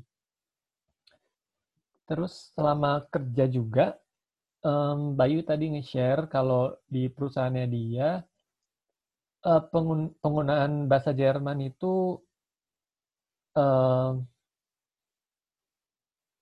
tergantung dari perusahaannya, sorry. Jadi di menurut Bayu tadi Bayu nge-share kalau penggunaan bahasa Jerman itu tergantung dari uh, perusahaannya. Kadang kalau di startup-startup di Berlin itu menggunakan bahasa Inggris aja itu masih oke okay, gitu. Terus next point adalah uh, teknologi di IT yang bisa dibilang menjanjikan lima tahun atau 10 tahun ke depan. Ada data science, ada Internet of Things, ada cyber security, sistem testing, dan juga software engineer. Jadi buat teman-teman yang mau mendalami bidang-bidang IT, bisa disarankan milih salah satu dari itu. Mungkin bisa yang lain juga nggak masalah. Cuman ini ya. yang kita kita pikir atau setidaknya kita lihat di dalam dunia pekerjaan sekarang itu sangat-sangat menjanjikan. Selanjutnya untuk uh, penggunaan teknologi di Jerman itu masih bisa dibilang uh, cenderung lambat atau berhati-hati dibandingkan dengan uh, eh, US. Uh, karena kalau di sini orang Jerman bisa dibilang mesti tahu dulu resikonya seberapa besar buat menggunakan teknologi baru, baru dia mau uh, menggunakan teknologi tersebut. Jadi di Jerman tuh lebih prefer menggunakan teknologi yang udah terjamin atau setidaknya sudah terpercaya dari sebelumnya, dari pengalaman sebelumnya udah lancar, ya udah dia stick dengan itu. Selanjutnya ada uh, jumlah vacancy di Jerman, terutama um, IT itu sangat-sangat besar dan sangat-sangat banyak, sekitar 124 ribu posisi. Dan juga di Jerman tuh sangat-sangat membutuhkan uh, karyawan uh, untuk um, karena di Jerman sendiri demografinya itu tidak kuat untuk menahan sistem ekonominya gitu, Mbak ya. Ya, kurang lebih seperti itu. Dan selanjutnya ada juga supaya kita bisa jadi spesialis di bidang uh, salah satu bidang IT itu sebaiknya kita uh, tahu dulu apa yang kita pengen dengan cara baca-baca atau misalnya nonton program atau apa yang di YouTube baru kita uh, cari tahu uh, gimana supaya step-step apa yang bisa kita lakukan uh, supaya jadi spesialis di bidang tersebut. Um, ada juga salah satu uh, bisa dibilang wejangan dari Bayu selama dia di Jerman. Gimana cara dia balancing hidupnya dia? Yang pertama, dia selalu planning supaya belajarnya lebih gampang, dibagi waktu untuk kegiatan, di waktu wagu, uh, dibagi waktu untuk organisasi, dan juga untuk uh, perkuliahan. Jadi dia benar-benar scheduling. Terus yang kedua, mesti fokus ketika ngerjain partnya tersebut. Jadi kalau lagi kuliah ya kuliah, kalau lagi PPI atau kegiatan aktif, uh, organisasi fokus di PPI-nya. Kalau lagi pacaran tadi si Bayu bilang, ya fokus pacaran gitu. Terus yang ketiga butuh keseimbangan di mana uh, butuh hobi di mana untuk hobi ini supaya bisa menyalurkan melepas stres uh, selama satu minggu penuh itu. Dan yang terakhir dari tema kita hari ini, poin pentingnya adalah ketika kita mencoba untuk aplikasi pekerjaan, kita uh, jangan pernah takut untuk gagal. Jadi kita harus selalu apply-apply, dan walaupun kita merasa kita nggak bisa, atau mungkin kita nggak pede, ya kita nggak perlu minder untuk uh, apply ke perusahaan tersebut. Itu aja sih. Mungkin dari ada satu lagi mungkin eh, cuman pengen bilang aja untuk teman-teman semuanya kalau misalnya ada yang masih punya pertanyaan lagi ntar kalau misalnya habis selesai ternyata baru muncul pertanyaannya atau mau ngobrol-ngobrol atau misalnya mau bikin CV bareng atau apa pun itu mungkin bisa add di LinkedIn dengan nama yang sama atau di Facebook atau mungkin lagi di Berlin mau ngopi bareng juga boleh. Jadi eh, silakan jangan ragu-ragu kalau ada yang perlu apa pun itu. Boleh boleh. Itu ide bagus tuh. Coba di share aja uh, apa linknya Pak di chat mungkin. Oh boleh boleh.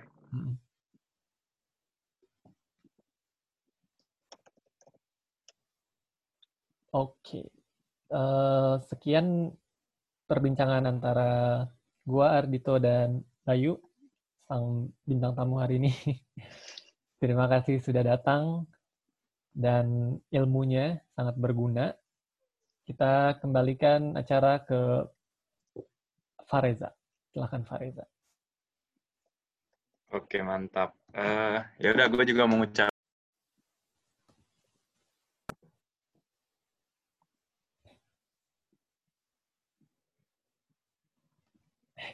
tes. Eh, Tes, oke okay, sip ya. Sorry tadi ada masalah teknis. Ya, uh, gue juga mau ngucapin terima kasih banyak kepada Ardito sama Bayu udah nyempetin uh, waktunya untuk ngisi webinar series PPI Berlin episode kedua ini. Dan juga udah sharing pengalaman dari mulai kuliah, kerja, terus ya pengalaman-pengalaman organisasi pribadi juga. Uh, semoga ya harapannya untuk pengalaman-pengalaman mereka ini bisa kita ambil sesuatu lah untuk uh, kita bawa sendiri, jadi pelajarin dan untuk uh, ngebantu kita. Uh, ya ini kan dari pelajar untuk pelajar, jadi ngebantu kita untuk nantinya kita setelah lulus kuliah atau yang tadi masih ada juga uh, baru mulai kuliah supaya bisa ngebantu lah uh, menempuh perjalanannya, perjalanan studinya. Jadi sebelum uh, acara ini kita tutup secara ofisial, ya ini uh, udah linkin Bayu sama si Ardi udah di share juga di chat. Nah ini kita ada feedback untuk acara webinar series ini. Jadi acara webinar series ini kita uh, bakalan adain rutin dan bakalan ada episode-episode selanjutnya dan bakalan bidangnya berbeda-beda juga. Jadi episode satu juga uh, bisa udah tahu udah pada tahu sendiri tentang automotive engineering, kita episode 2 tentang IT, nanti episode-episode berikutnya. Nah, kalau kalian penasaran gitu, wah ternyata bidang gua itu desain atau dokter atau hukum atau bisnis. Nah, itu bisa ditaruh di feedback ini atau kalau memang ada yang ngerasa wah tadi uh, kayaknya kurang nih uh, waktunya atau apa itu bisa ditaruh di feedback semua keluh kesahnya atau kritik, saran semuanya silakan. Ini kita biarin dulu uh, link sama code-nya. Terus ini di chat juga gue bakal ngasih Instagram, Facebook, sama YouTube-nya PPI Berlin Brandenburg untuk supaya uh, kalian nggak ketinggalan informasi. Teman-teman nggak ketinggalan informasi dari PPI Berlin kalau kita ada ngadain episode baru atau kita mungkin ada, ada ngadain acara yang lain di Berlin atau mungkin ada yang mau ke Berlin, mau nanya-nanya kak gimana di Berlin. Uh, itu bisa langsung DM Instagram atau dari Facebook. Jadi kita ini semuanya aktif silahkan dicatat atau disimpan dan di follow juga kalau Instagramnya, Facebooknya bisa join. Oke, dengan itu uh, gue selaku Ketua PPI Berlin Brandenburg, Fareza, uh, nutup acara ini secara resmi. Kita ketemu lagi di episode yang berikutnya. Ini code-nya bakal dibiarin dulu di sini kalau teman-teman ada yang mau catat uh, link untuk feedbacknya ini. Terima kasih banyak. Wassalamualaikum warahmatullahi wabarakatuh.